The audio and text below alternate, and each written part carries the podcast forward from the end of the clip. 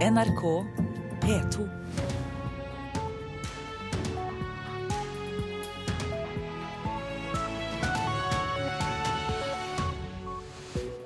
Nyhetsmorgen kommer i en kortere utgave i dag på julaften og starter nå klokka 7.03 med Øystein Heggen i studio og disse sakene. Toppen av ebolaepidemien nås trolig om tre uker og vil være bekjempet innen et år, mener forsker i Verdens helseorganisasjon.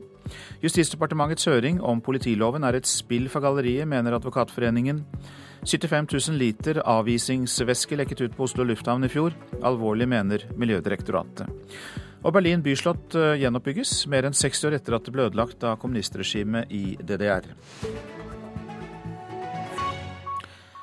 Ebola-epidemien ble aldri så ille som ekspertene fryktet, og vil være bekjempet innen et år. Toppunktet blir nådd om tre uker. Det mener forskeren som leder den vitenskapelige ebolakomiteen i Verdens helseorganisasjon. De begraver døde i Sierra Leone. Det er en oppgave de spesialiserte gruppene fortsatt kommer til å utføre på nyåret. Men det vil bli sjeldnere og sjeldnere, mener ekspertene.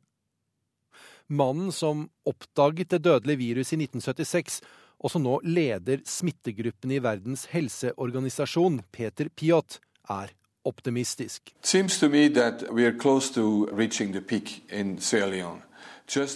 Vi er nær smittetoppen i Sierra Leone, sier Piot til BBC. Han anslår at toppunktet vil komme om tre uker. De andre landene har allerede passert dette punktet. Nå er det bare Sierra Leone som gjenstår. Men det betyr ikke at alt snart er over, advarer Piot.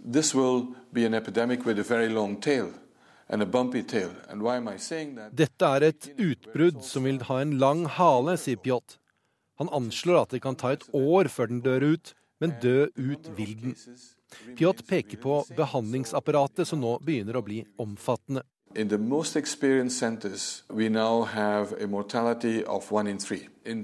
mest avanserte sentrene har en dødelighet på omtrent en tredel, mot to tredeler eller enda verre i begynnelsen.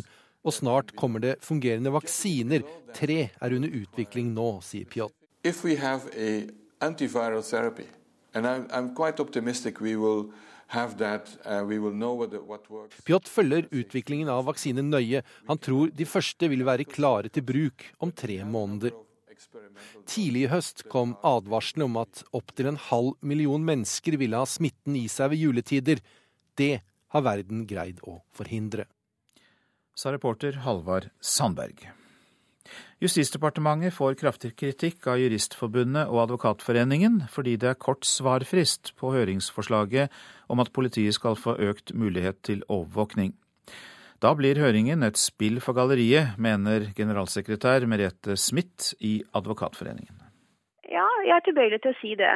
Eh, Justisdepartementet må, må skjønne at når de sender ut en sak med så kort høringsfrist, så vil det være få som har mulighet til å gi et uh, grundig svar.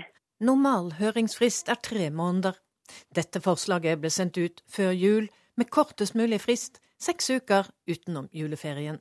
Det kan tyde på at de ikke er så veldig opptatt av å få grundige og gjennomarbeidede høringssvar. Forslaget fra justisministeren åpner for at politiet kan avlytte, overvåke og blokkere mobilnettet uten rettslig godkjenning, som de må ha i dag. Det kreves heller ikke at politiet har helt konkrete mistanker om kriminalitet. Dette er en vanskelig sak, dette er en prinsipielt viktig sak. Og det er en krevende sak, og da trenger man god tid til å utrede for å kunne svare på en faglig forsvarlig måte. Da er denne fristen altfor kort. Det sier president i Juristforbundet, Kurt A. Lier. Verken Juristforbundet eller Advokatforeningen regner med at de kan levere et gjennomarbeidet høringssvar. Nå er det jo juleferie og nyttårsferie, om de, vi rekker å få dette klart, det er jeg ikke sikker på. Justisdepartementet ønsker ikke å la seg intervjue av NRK. Men i en e-post skriver departementet at de mener seks frist er nok i denne saken, og at det er viktig å få den raskt behandlet. De viser også til at problemstillingen er delvis kjent fra et tidligere lovforslag fra Samferdselsdepartementet. Juristforbundet mener imidlertid at korte høringsfrister er et gjennomgående problem. Når man har høringer, så er det fordi man vil sikre seg at man får alle typer innspill inn, at man, alle sakens sider blir eh, grundig belyst. Da er det en utfordring at man får altfor kort tid til å svare. Det er også en fare for rettssikkerheten, helt klart. Eh, hvis man glipper på noe, så vil man kunne risikere å vedta ting som ikke er bra. Reporter Katrin Hellesnes. På Oslo lufthavn har 75 000 liter avisingsvæske rent ut av en tank og forsvunnet ned i bakken og grunnvannet. Lekkasjen i tanken ble først oppdaget etter 14 dager. Ingvild Martinsen, som er seksjonsleder i Miljødirektoratet, ser alvorlig på utslippet som skjedde i august i fjor.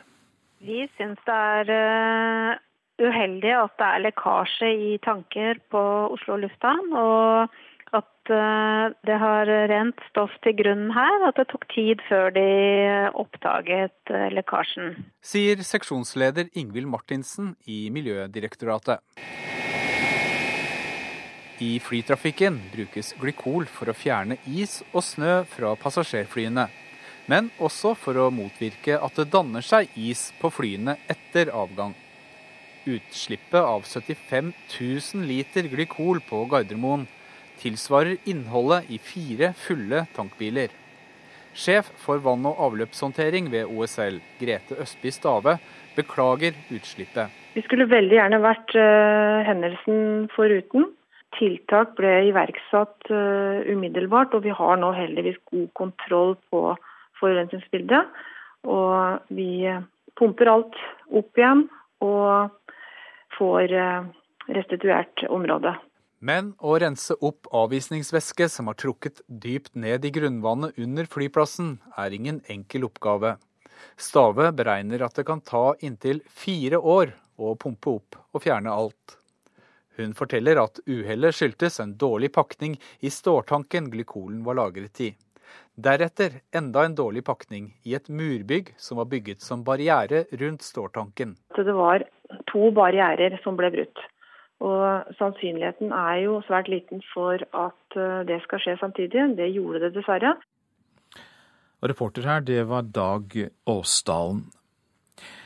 Jeg prøvde å gi et fotfeste til de som opplevde at verden falt sammen. Det forteller Stein Vangen, ti år etter at han som sjømannsprest jobbet med å hjelpe de som ble rammet av tsunamien i Thailand, altså i 2004, da 84 nordmenn omkom. Det er fortsatt vanskelig å snakke om, sier Vangen, men han er tydelig på at det ikke er hans sorg.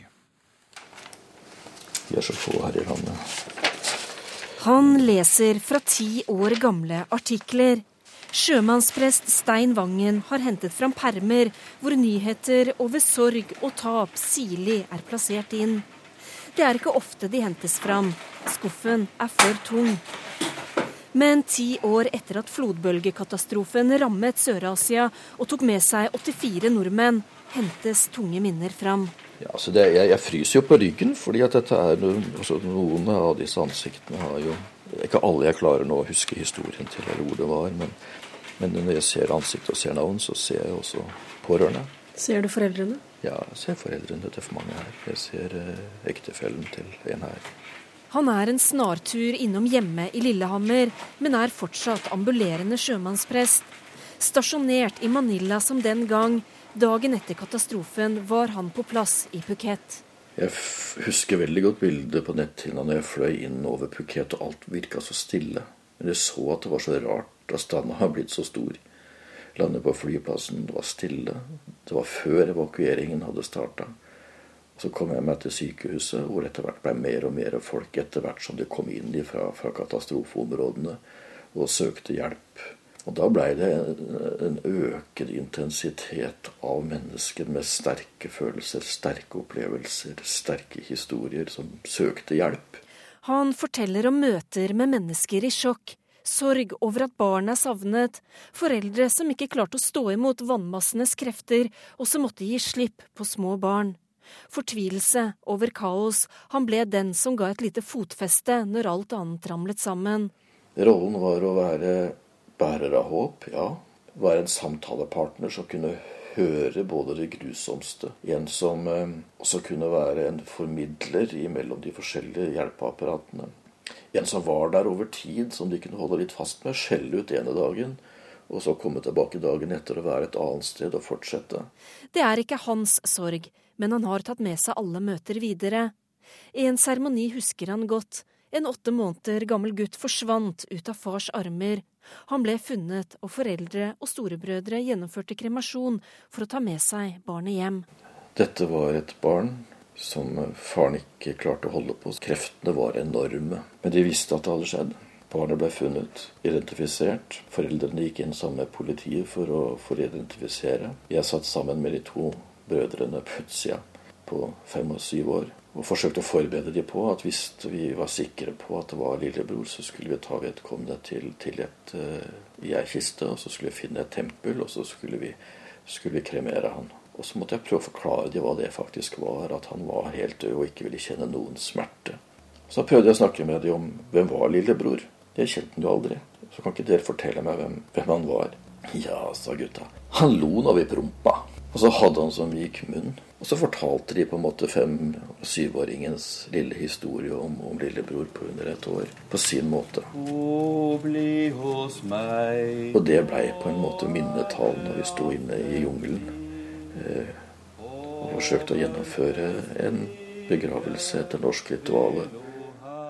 NRK Brennpunkt fulgte familien den siste veien med gutten, og var med når Stein Vangen holdt en gudstjeneste i tempelet. Hva har det gjort med deg i etterkant? Det sitter som et sterkt minne i meg over fortvilelsen og sårbarheten. Samtidig som jeg er jeg så dypt imponert over den familien som, som, som feisa virkeligheten og tok sorgen steg for steg, helt konkret. Eh, og som valgte å gjøre det. Jeg har på en måte en slags takknemlighet over at jeg har fått være en, en, en tjener for de i den situasjonen. Han sier det kan være vanskelig på merkedager som julen, for alle merkedager er vonde, særlig hvis dagene før det vonde skjedde var gode. Mange ønsker å unngå høytidsdager. Kanskje vi skal tenke at vi som er igjen, vi trenger også gode dager sammen. Og gode minner sammen.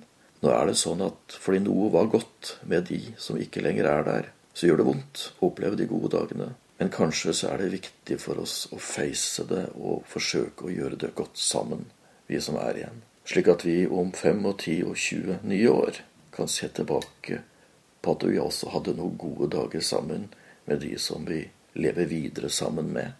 Men samtidig så er det helt naturlig at de dagene og skikkene som mobiliserer de sterkeste følelsene hos oss, er det som også skaper det største savnet. Sjømannsprest i Thailand da tsunamien rammet, Stein Vangen. Reporter Ellen Omland. Klokka nærmer seg 7.16. Dette er hovedsaker. Toppen av ebolaepidemien nås trolig om tre uker, og vil være bekjempet innen et år, mener forskningsleder i Verdens helseorganisasjon. Justisdepartementets høring om politiloven er et spill for galleriet, mener Advokatforeningen. For kort høringsfrist. Og 75 000 liter av avisingsvæske lekket ut på Oslo lufthavn. Miljødirektoratet ser alvorlig på utslippet som skjedde i fjor. I dag skal det starte nye forsøk på å forhandle om fred mellom ukrainske myndigheter og opprørsgruppene øst i landet, men i går så vedtok jo det ukrainske parlamentet at landet skal gå bort fra sin status som alliansefritt og jobbe for et Nato-medlemskap. Og Russland-korrespondent Morten Jentoft, du er hos oss i studio nå. Hvor sannsynlig er det da at det blir noe av disse samtalene? Ja, ifølge russisk TV nå på morgensidene så blir det noe av disse samtalene. altså Partene skal møtes i den hviterussiske hovedstaden Minsk klokken 13 eh, norsk tid i dag. Og ifølge OSSE så er det viktigste da å forsterke den allerede eksisterende våpenhvileavtalen, altså få troppene lenger fra hverandre for å hindre konfrontasjoner. Det handler om å utveksle fanger, og ikke minst viktig for separatistene, det handler jo om å gjøre noe med den humanitære situasjonen som er i området nå. Den er jo katastrofal da, for de, de menneskene som er da sperret inne mellom de ukrainske regjeringsstyrkene og Russland på den andre siden. Så det blir altså samtaler i eh, nabolandet Hviterussland. Men hvordan kan dette vedtaket i det ukrainske parlamentet om ønsket Nato-medlemskap virke inn? Ja, Vi fikk jo en del uh, kraftige forventede uttalelser fra russiske myndigheter i går. Både uh, utenriksminister Sergej Lavrov og uh, statsminister Dmitrij Medvedev var jo raskt ute og sa det at dette forverrer situasjonen. Dette kan gjøre Ukraina da til en motpart for Russland.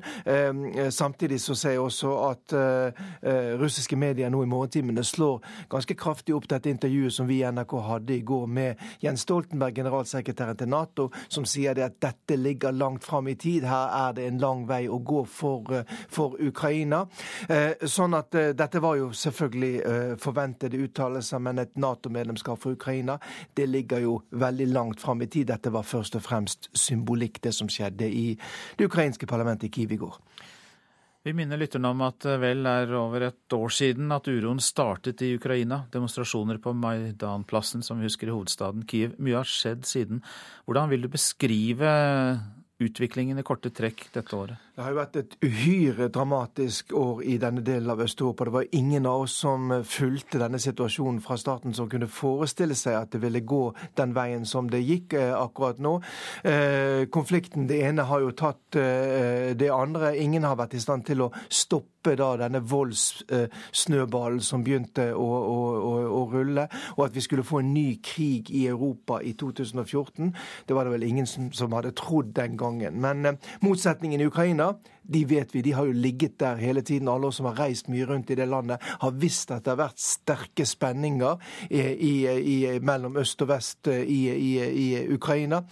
Og eh, det som har slått ut nå, det har jo da også påvirket hele sikkerhetssituasjonen i Europa, i og med at både Vesten og Russland da står med begge bein midt oppi denne konflikten.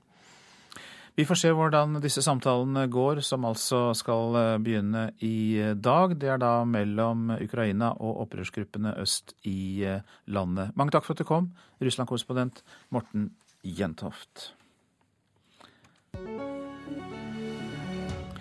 Vi forflytter oss til Berlin, der et enormt nytt byggverk i hjertet av byen vekker oppsikt. Berliner Stadtschloss. Det er Berlin byslott som gjenoppbygges mer enn 60 år etter at det gamle slottet ble ødelagt av kommunistregimet i DDR. Og selv om det er lenge til prosjektet er ferdig, er byggverket allerede en turistattraksjon. Arnt Stefansen har sendt denne reportasjen fra Berlin. Stemningen er høy når mer enn 400 venner av Berlin slott er samlet her i den tyske hovedstaden. Etter mange års kamp med sterke protester går det nå deres vei. Det sagnomsuste barokkslottet med en historie helt tilbake til 1400-tallet skal igjen prege Berlins gamle sentrum. Sehr schönes Gefühl, weil im Prinzip damit eine große Wunde in der Stadt.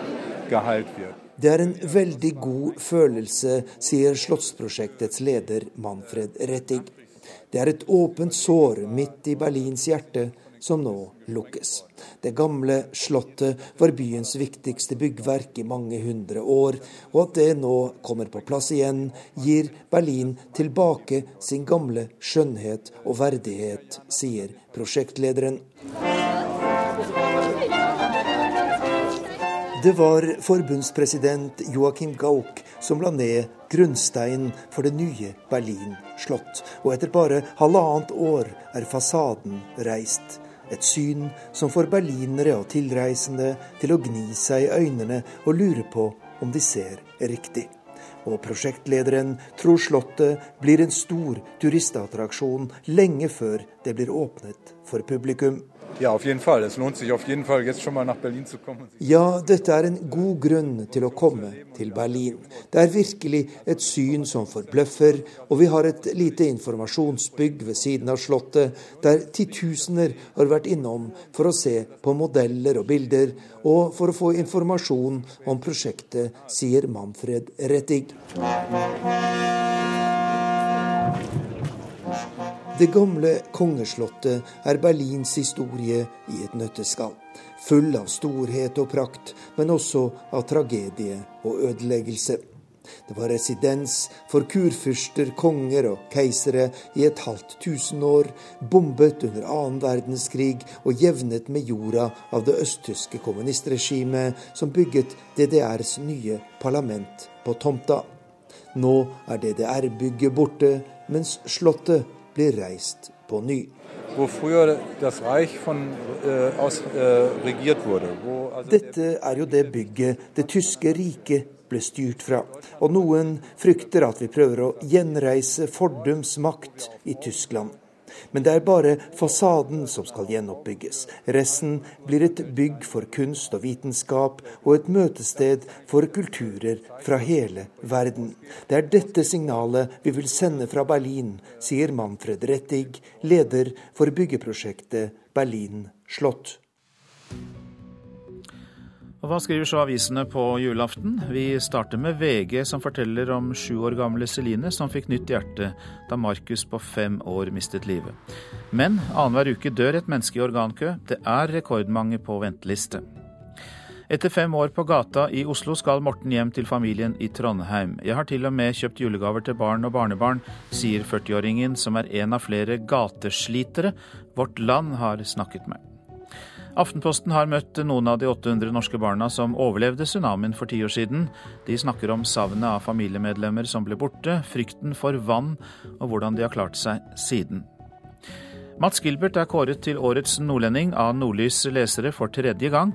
Tromsø-legen får prisen for sitt utrettelige arbeid for befolkningen i Gaza, kampen for lokalsykehusene og ambulansetjenesten i Nord-Norge. Men det handler ikke om meg, sier Gilbert, det handler om Palestina. Ingen grunn til bekymring, vi vil takle oljeprisfallet. Det sier julepanelet til Dagens Næringsliv. Det består av politikerne Jonas Gahr Støre og Sylvi Listhaug, samt fire næringslivsledere. Julefred i Moen-familien er oppslaget i Bergensavisen. Trond Moen og sønnen Fredrik Wilhelm har sammen gitt en milliard kroner til Bergen forskningsstiftelse. At de gjør det sammen, gleder Trond Moen spesielt, for nå er han og sønnen igjen forsonet etter konflikten rundt salget av familiebedriften.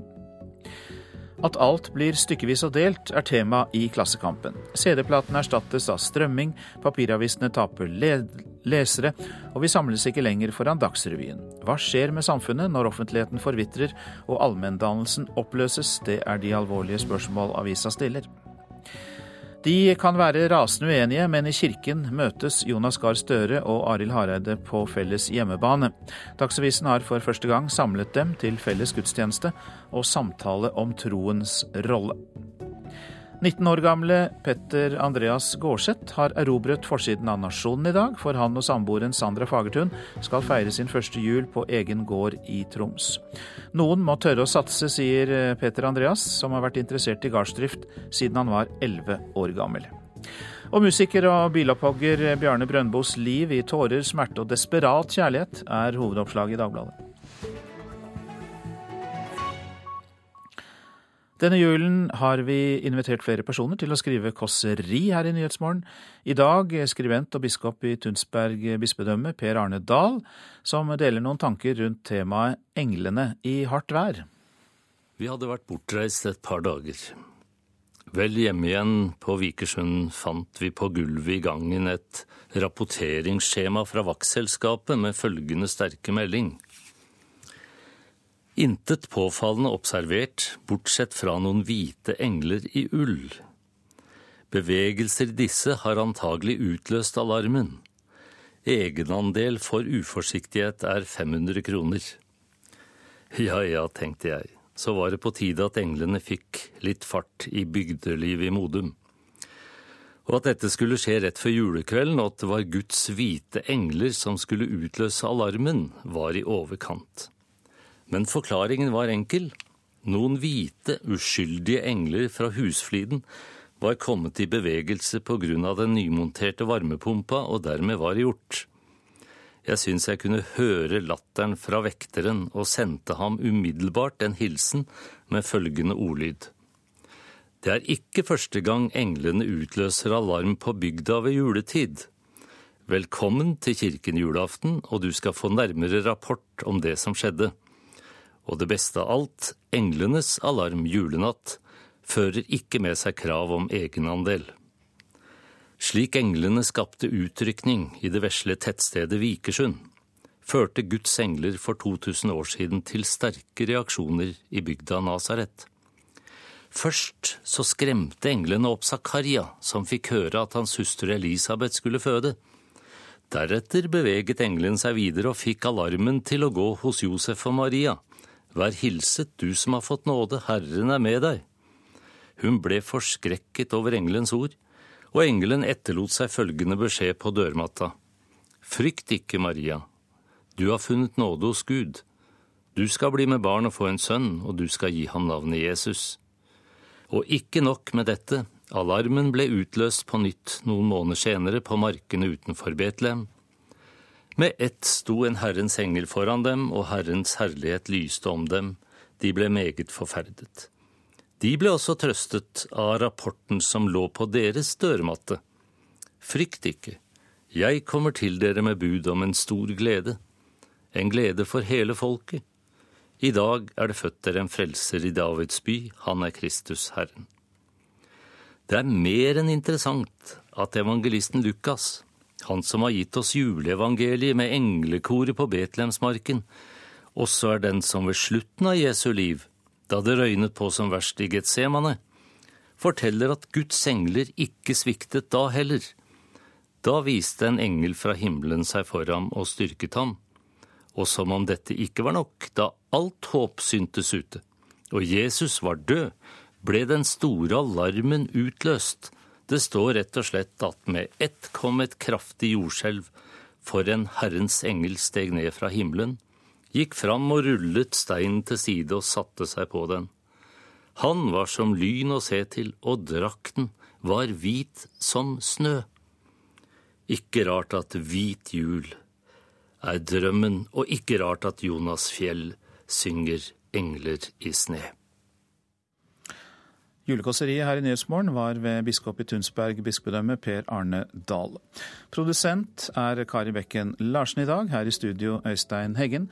Og vi minner om at eh, Haiti igjen kan være på randen av politisk kaos. Folk har i flere uker demonstrert med krav om at presidenten må gå av. Mer i reportasjen etter Dagsnytt. Og det er kommentatorenes dag i Politisk kvarter. Marie Simonsen fra Dagbladet, Kjetil Alstein fra Dagens Næringsliv og NRKs Magnus Takvam kan du høre kvart på åtte.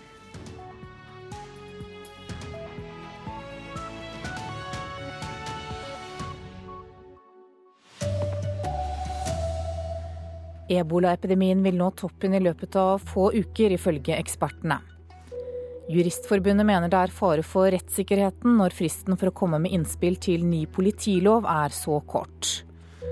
Og over 200 amerikanske kinoer viser likevel filmen The Interview i morgen. Her er NRK Dagsnytt klokka 7.30. Ebolaepidemien blir ikke så ille som ekspertene fryktet, og vil være bekjempet innen ett år. Det mener forskeren som leder den vitenskapelige ebolakomiteen i Verdens helseorganisasjon. Toppunktet vil bli nådd om tre uker, mener han. De begraver døde i Sierra Leone. Det er en oppgave de spesialiserte gruppene fortsatt kommer til å utføre på nyåret. Men det vil bli sjeldnere og sjeldnere, mener ekspertene. Mannen som oppdaget det dødelige viruset i 1976, og som nå leder smittegruppen i Verdens helseorganisasjon, Peter Piot, er optimistisk.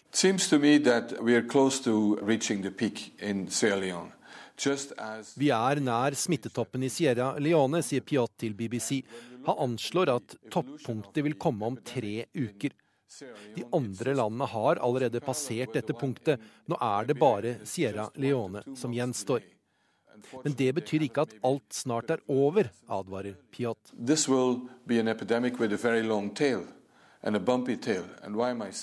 Dette er et utbrudd som vil ha en lang hale, sier Piot.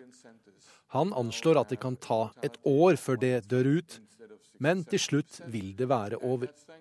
Pjot peker på behandlingsapparatet som nå begynner å bli omfattende og erfarent. De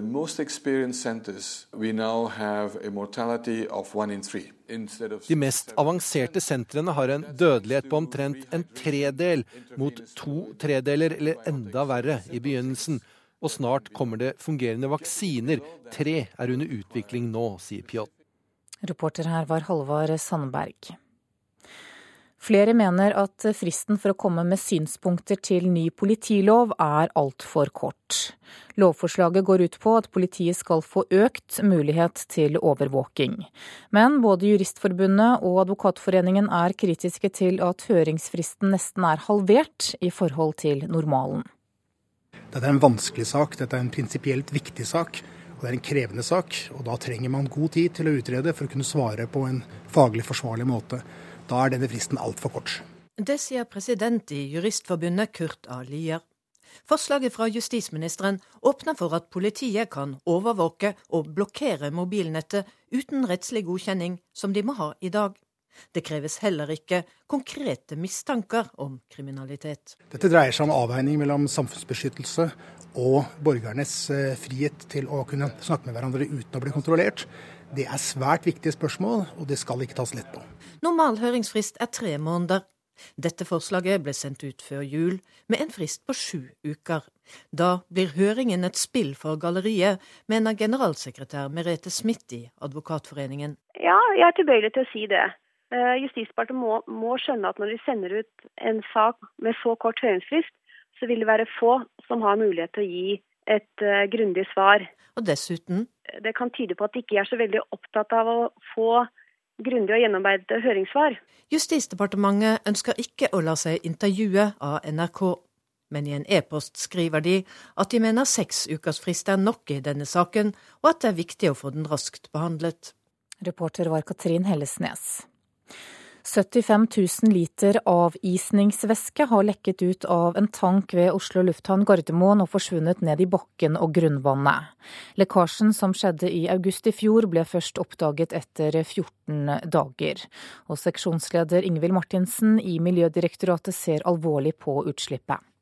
Vi syns det er eh, uheldig at det er lekkasje i tanker på Oslo lufthavn. og at eh, det har rent stoff til grunnen her, at det tok tid før de oppdaget eh, lekkasjen. Utslippet av 75 000 liter glykol på Gardermoen tilsvarer innholdet i fire fulle tankbiler. Sjef for vann- og avløpshåndtering ved OSL, Grete Østby Stave, beklager utslippet. Vi skulle veldig gjerne vært uh, hendelsen foruten. Tiltak ble iverksatt uh, umiddelbart, og vi har nå heldigvis god kontroll på forurensningsbildet. Og vi pumper alt opp igjen og får uh, restituert området. Reporter var Dag Åsdalen. Fredsforhandlingene i Ukraina starter i Minsk i Hviterussland klokka 13 i ettermiddag.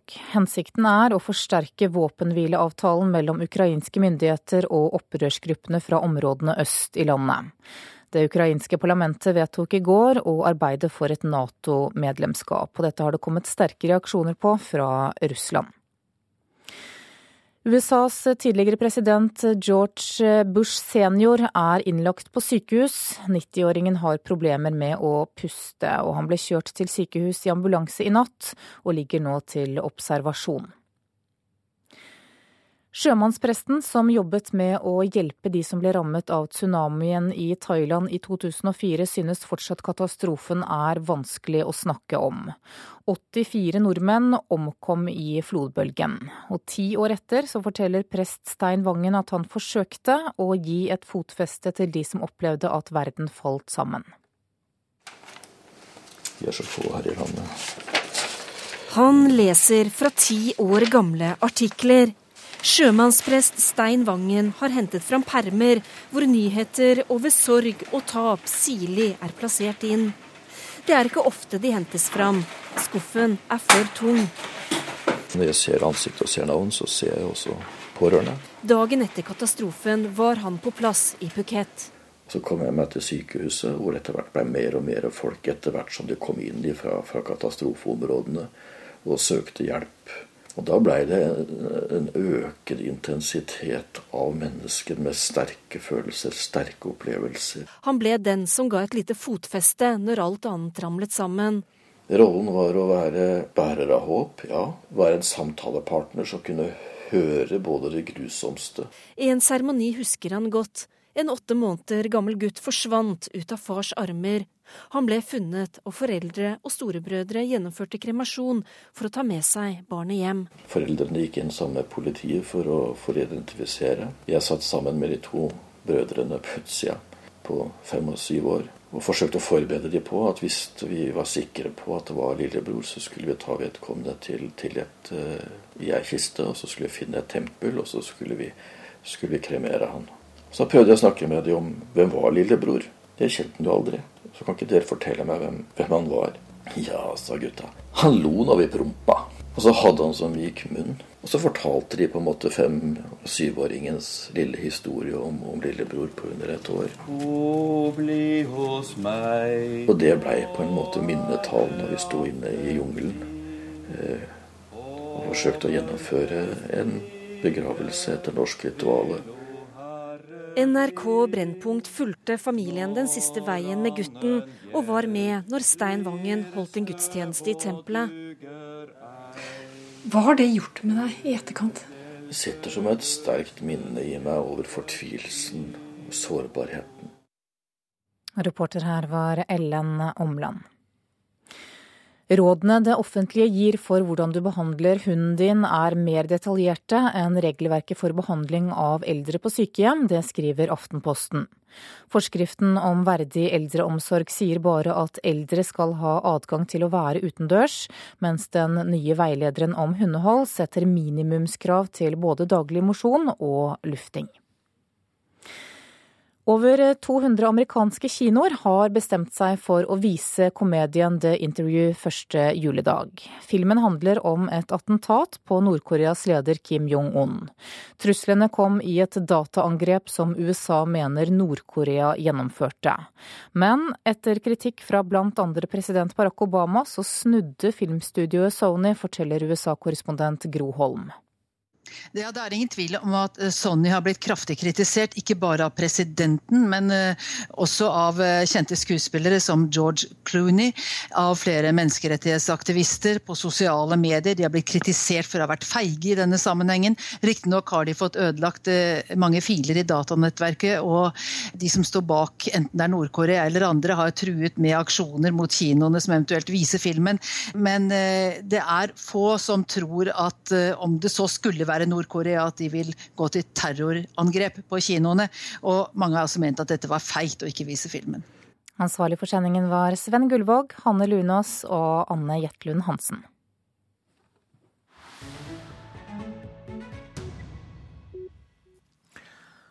Ja, du lytter til Nyhetsmorgen. I Haiti har folk i flere uker demonstrert med krav om at presidenten må gå av. De beskylder regjeringen for korrupsjon og er lei av at kongressvalget utsettes gang på gang. FN og USA frykter at Haiti nok en gang er på randen av politisk kaos. Vi ønsker forandring. Et nytt land. Et land der ressursene er bedre fordelt hvor ikke 95% av befolkningen lever under elendige forhold, mens 5% kontrollerer landets rikdom, sier Assad Wolsi. Derfor er han ute i gatene, slik flere titalls tusen andre har vært i Haiti de siste ukene, med krav om at presidenten går av og utlyser valg. For det er på høy tid. Kommunevalget skulle vært avholdt for over tre år siden. Kongressvalget i høst ble det heller ikke noe av. Årsakene er flere.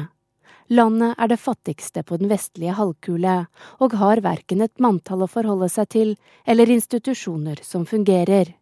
Og politisk råder en dyp mistro mellom de ulike elitene, forklarer professor Leiv Marstein Trede, som har spesialisert seg på Latin-Amerika. Det som ligger bak her, er at eh, opposisjonen i Kongressen og presidenten har kranglet et års tid nå om en ny valglov. Opposisjonen mener at uh, denne valgloven gir presidenten og hans kumpaner uh, for store fordeler i neste års presidentvalg. Så de har nektet å signere denne loven tåregass og gummikuler for å få bukt med demonstrantene. FN og USA frykter at Haiti igjen er på randen til politisk kaos. Enn så lenge har statsministeren trukket seg i håp om å roe gemyttene. Men lite ser ut til å hjelpe i den allerede hardt prøvede nasjonen. Det er snart fem år siden den skjebnesvangre dagen da de rett før mørkets frembrudd ble rammet av et jordskjelv de ikke hadde sett maken til på flere hundre år. Strøm- og telefonnettet slås ut. En støvsky henger over hovedstaden som ligner en slagmark. De graver med hendene for å nå frem til ropene om hjelp.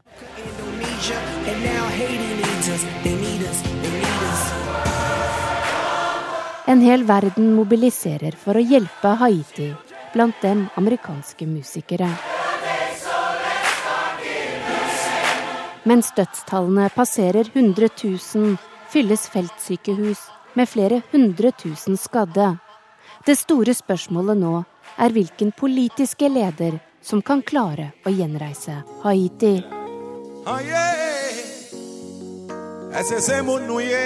Kjent under kallenavnet Søte Mickey kunngjør plutselig den lokale musikeren Michel Martelly sitt kandidatur til presidentvalget samme år, for så å overraske alle med seier. I mai 2011 blir han innsatt som Haitis president. Det å være president i Haiti er, er ganske vanskelig både pga. situasjonen i landet, men også fordi man må forholde seg til delvis kravene nedenfra. En ofte korrupt elite i Kongressen som ikke er enig med presidenten, og internasjonale donorer. Så hatt en vanskelig situasjon. Eh, og eh, under forutsetning må man kunne si at han har greid det sånn noenlunde bra. Men demonstrasjonene fortsetter med krav om presidentens avgang. Dersom konflikten ikke løses innen 12.1, står Haiti uten nasjonalforsamling. Får man organisert et nytt valg, får man eh, fornyet Kongressen og etter hvert en ny president, så kan det hende at det eh, er med på å skape en stabilitet. Men eh, 2015 kan bli et eh, skjebneår for eh, mange eh, politiske eliter, og for så vidt for, for nasjonen som helhet. Dette er Nyhetsmorgen, og dette er hovedsaker. Toppen av ebolaepidemien nås trolig om tre uker. og Epidemien vil trolig være bekjempet innen et år, ifølge eksperter i Verdens helseorganisasjon. Juristforbundet mener det er fare for rettssikkerheten, og fristen for å komme med innspill til ny politilov er så kort. Over 200 amerikanske kinoer viser likevel filmen The Interview i morgen. USAs tidligere president George Bush senior er innlagt på sykehus. 90-åringen har problemer med å puste. Og fredsforhandlinger om Ukraina starter i Minsk i Hviterussland i dag. Hensikten er å forsterke våpenhvileavtalen. Og programleder for Politisk kvarter er Håvard Grønli.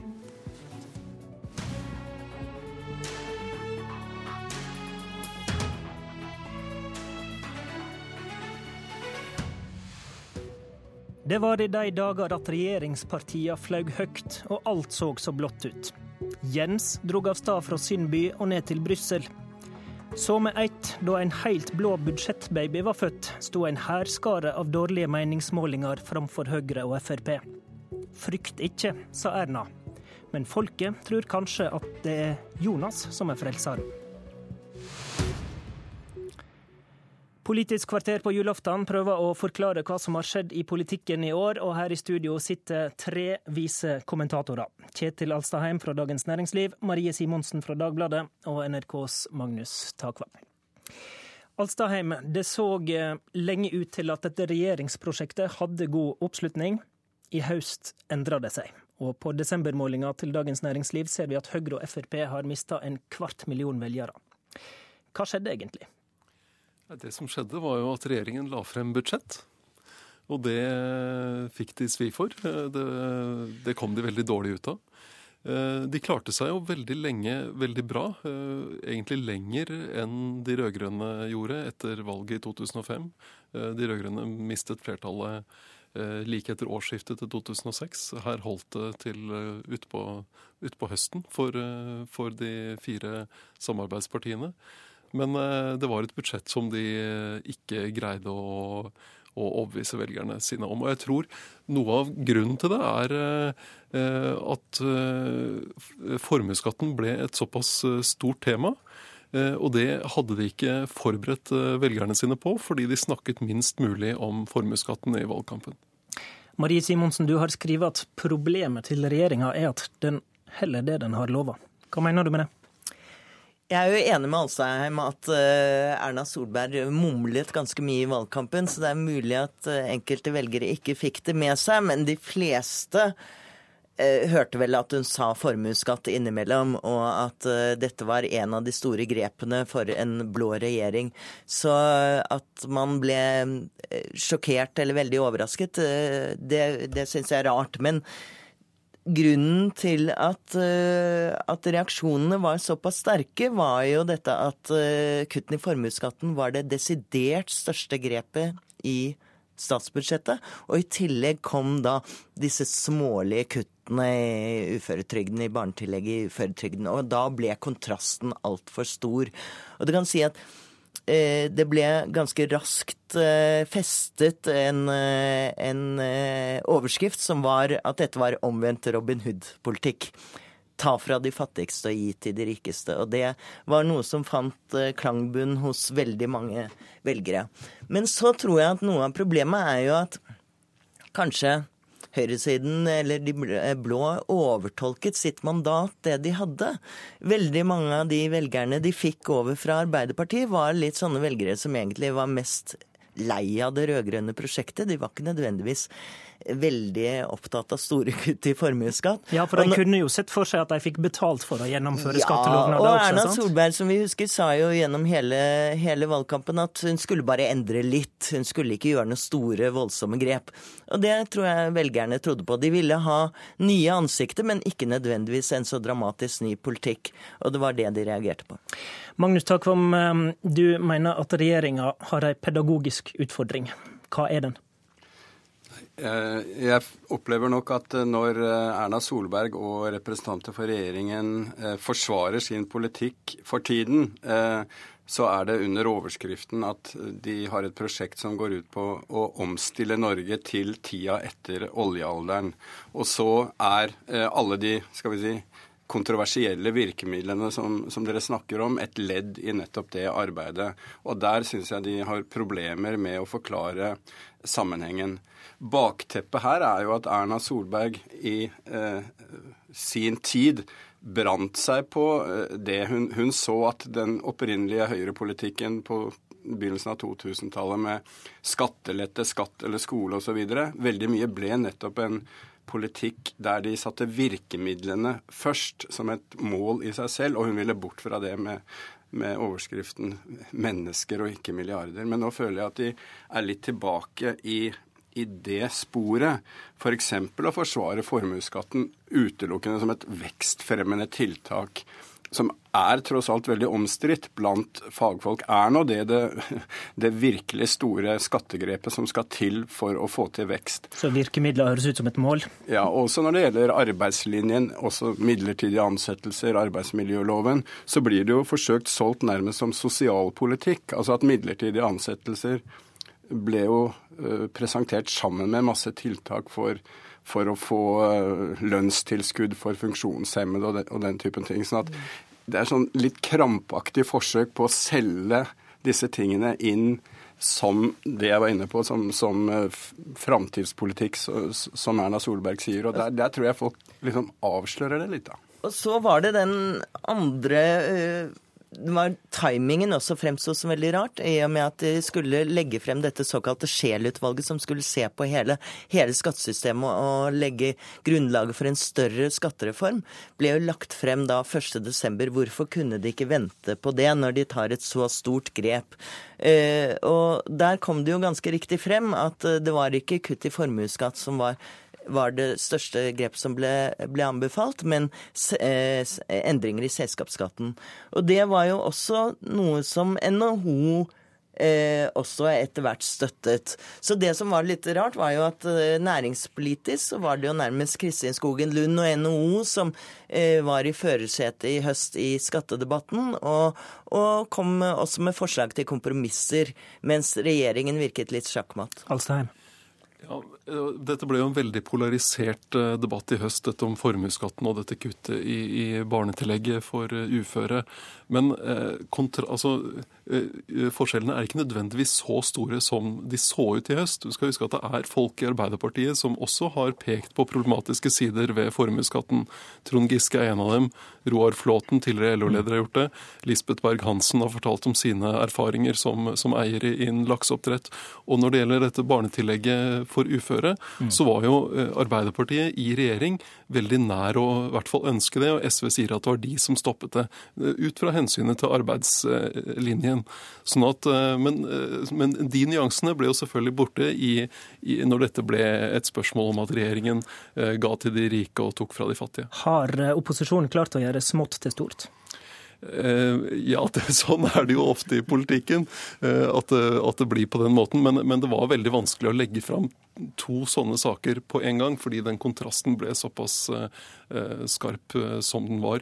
Også Når det gjelder Scheel-utvalget, så er det jo verdt å ta med seg at den formuesskatten som det utvalget foreslår, vil jo ha en annen innretning enn dagens. Fordi de, de rike, da, som Arbeiderpartiet snakker mye om, vil jo ikke betale like mye på det å eie bedrifter. Fordi man vil få inn en stor andel som handler om formuesskatt på bolig. Så det vil være en ganske stor vridning av formuesskatten sammenlignet med den som er i dag. Og det vil fjerne et av problemene, nemlig at, at det er så lønnsomt å investere i bolig eh, sammenlignet med det å investere i arbeidsplasser. Ta Kvam, du var inne på de pedagogiske utfordringene. En av regjeringa sine utfordringer er at de til en viss grad må ha et felles prosjekt med sentrumspartiene KrF og Venstre. Hvor lett er det å få øye på det? Nei, Det er selvfølgelig øh, vanskelig i etterkant av budsjettet. Det var jo en ganske heftig, heftig øh, dragkamp mellom nettopp sentrum og Frp og Høyre der. Uh, og jeg tror nok det er riktig å si, eller mitt inntrykk er at forholdet mellom sentrum og Høyre og Frp er noe dårligere nå enn det var ved starten av uh, denne regjeringsperioden. Helt spesielt så tror jeg kanskje Siv Jensen, som jo er den som tross alt frontet budsjettet, har, eh, har eh, irritert eller provosert, eh, hva du vil, sentrumspartiene, kanskje særlig Venstre, som opprinnelig har en, hadde en mer skal vi si, liber, liberalistisk, for å si, sette, bruke det ordet, økonomisk politikk. Hele den symbolsaken om denne plastpose og at ingen ville ta ansvaret for det, f.eks., det irriterte folk i Venstre ganske mye. Sånn at de sliter der. Vi, og de snakket jo ikke pent om hverandre, slik sånne samarbeidspartnere skal gjøre. De foreslo jo nå på avslutningskonferansen, pressekonferansen til Erna Solberg, så foreslo hun at kanskje de burde ta inn et punkt hvor det står 'snakk pent om hverandre'. Vi skal flytte oss over midtstreken, til Arbeiderpartiet. I vår gjennomførte jo Ap et udramatisk maktskifte da Stoltenberg dro til Nato og Støre tok over. Nå i høst har Ap leget stabilt på rundt 40 Men velgerne var jo leie av åtte år med rød-grønn politikk. Har Støre gjort noe rett, eller får bare Ap betalt for å være det største opposisjonspartiet? Altså, jeg tror ikke dette er et utslag av alle bøkene om eller med Jonas Gahr Støre. ikke. Men eh, så jeg tror nok det, Og, og husk at eh, Støre fikk egentlig en ganske skjev start på høsten. Eh, for han hadde bl.a. med denne Da han tok litt friskt i klimapolitikken på AUFs sommerleir, som han til slutt måtte, måtte ut og presisere og, og, og, og, rygge litt på. Ja, og det har vært høy tenking om kontantstøtte og flere ja, tema. Så, sånn at han, er, han, har jo skapt uklarhet, og Arbeiderpartiet er jo i en sånn tenkefase på flere politikkområder, sånn at det er litt uklart eh, hvor de egentlig vil.